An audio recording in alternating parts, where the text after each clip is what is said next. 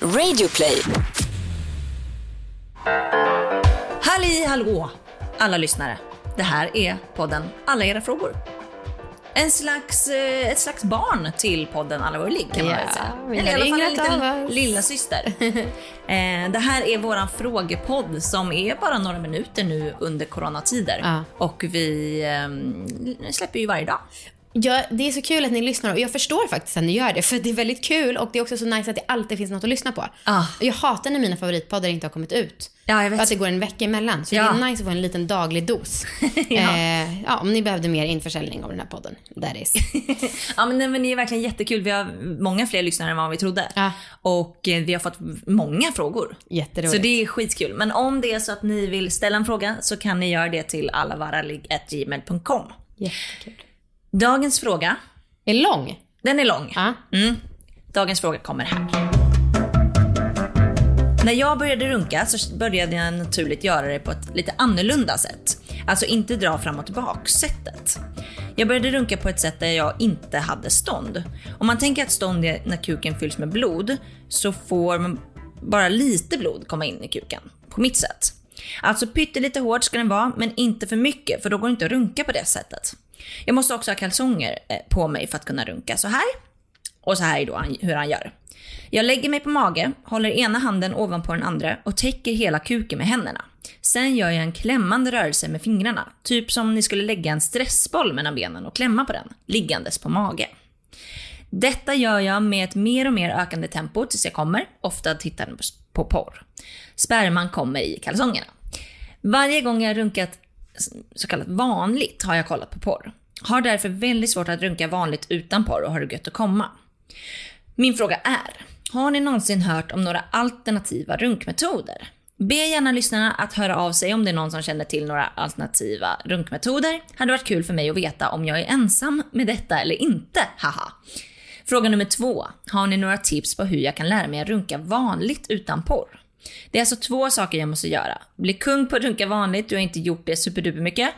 Och jag måste ta mig ur mitt porrberoende. Ah, vad roligt. Vilken Wow. kul fråga. Ja, herregud. Eh, vi har ju ett svar, men ska vi börja med Flashback då? För han efterfrågar ju folk som runkar på annorlunda sätt. Just det. Och på Flashback så finns det faktiskt en som skriver så här. Hej, har ett stort problem. Ända sedan barnsben har jag runkat genom att klämma snoppen mellan mina lår och trycka lite på den med handen, vilket då resulterar i att jag får utlösning. Har såklart provat på det vanliga sättet, men har aldrig kommit då. Ollonet blir bara torrt efter en stund och det är inte skönt.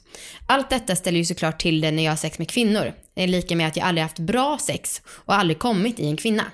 Någon med liknande erfarenhet eller någon som har några tips på hur jag ska lösa mitt sjuka dilemma.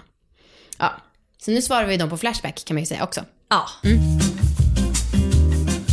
Så här kommer vårt svar. Jag fattar inte. Gör du inte? Jag fattar inte det här sättet att runka. jag, jag kan visa dig. Nej men alltså jag, jag förstår inte den här på Flashback som får ett torrt ollon. Det är väl lite naturligt, för om man drar det fram och tillbaka så kommer det mycket luft kanske. Ja. Du menar lufttrycket? Nej, jag menar att det typ, den, den blöta ytan, för det är väl lite fuktigt där på ollonet, exponeras för luft. Alltså det är Ja, som att jo. vatten torkar, typ. Ja, jo, jo det är kanske sant. Sexologen Amanda Koldén. Ehm, Men jag som är runkdrottning, ja, eh, eftersom det, det, det är mitt nya ämne. ja, Mm. Jag skulle säga att allting blir så otroligt mycket bättre med glidmedel. ja. Alltså det är liksom A och O i runkande. Eh, och man behöver inte köpa glidmedel på apotek eller något sånt. Man, kan- man kan också ta liksom, då, kokosolja eller något sånt. Eh, men jag tycker allting blir så jävla mycket bättre.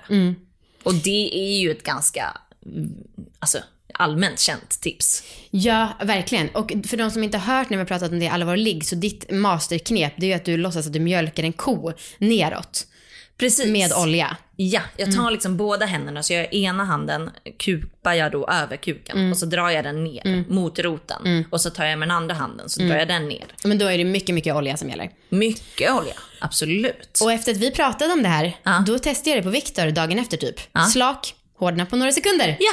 En, en kvinna på Instagram skrev att hon hade också testat det här på sin kille. Ja. Samma sak. Blev galen efter bara några sekunder. Ja. Nej men det är ju världens bästa tips. Ja. Jag har också tänkt lite på det här, nästan lite ångrat mig, att jag sagt det utåt. För jag skulle gärna vilja vara runkdrottning och inte bara den som lär hela Sverige att runka. Ja, okej nu, okej om du var så att du var singel och att du hade det här som hemligt knep, men nu ska ju du gifta dig. Ja, men tänk om Marcus är ihop med mig på grund av den här anledningen och att det kommer någon annan som bara, jag kan också göra det här knepet. Kan inte vi bli ihop?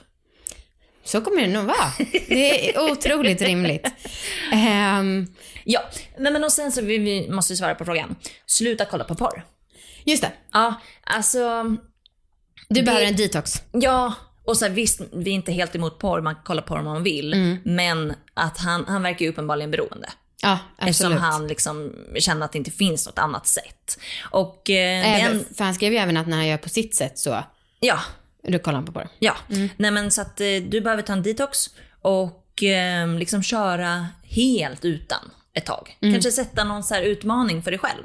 Ja, Eh, och om det skulle vara så att det här eh, är svårt, om du känner att du liksom inte får upp någon lust eller huv- alltså, överhuvudtaget, så kanske liksom testa först att stänga av helt. Går inte det då, så kanske bara trappa ner, typ kolla på erotiska bilder. ja.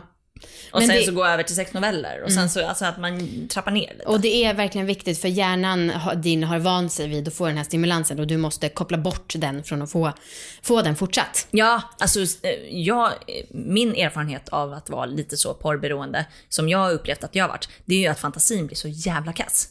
Alltså man, den blir verkligen jättedålig.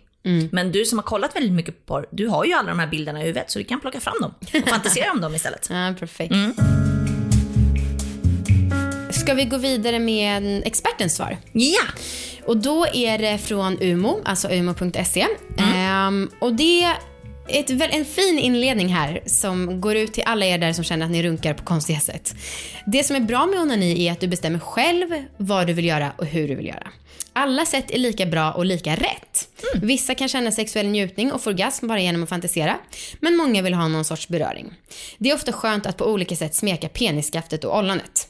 Du som är omskuren kan använda glidmedel eller olja och föra handen fram och tillbaka över penisskaftet och ollonet. Du som har förhud kan dra den fram och tillbaka över ollonet. Ja, det här var ju de klassiska tipsen, men just det där med att eh, man själv får bestämma hur man ska göra och att alla sätt är rätt. Det Det är väl ändå bra. tjusningen med onani. Ja, verkligen. Ehm, och sen har de också tips på några andra områden än ollonet som kan vara härliga och sköna. De tänkte jag att vi kan också dra. Ja. Och då så börjar vi med urinrörets kanter. Även kanterna runt urinrörets öppning är ofta väldigt känsliga för beröring. Smek dem lite försiktigt. Här behövs det mycket fukt eller glidmedel för att det ska kännas skönt.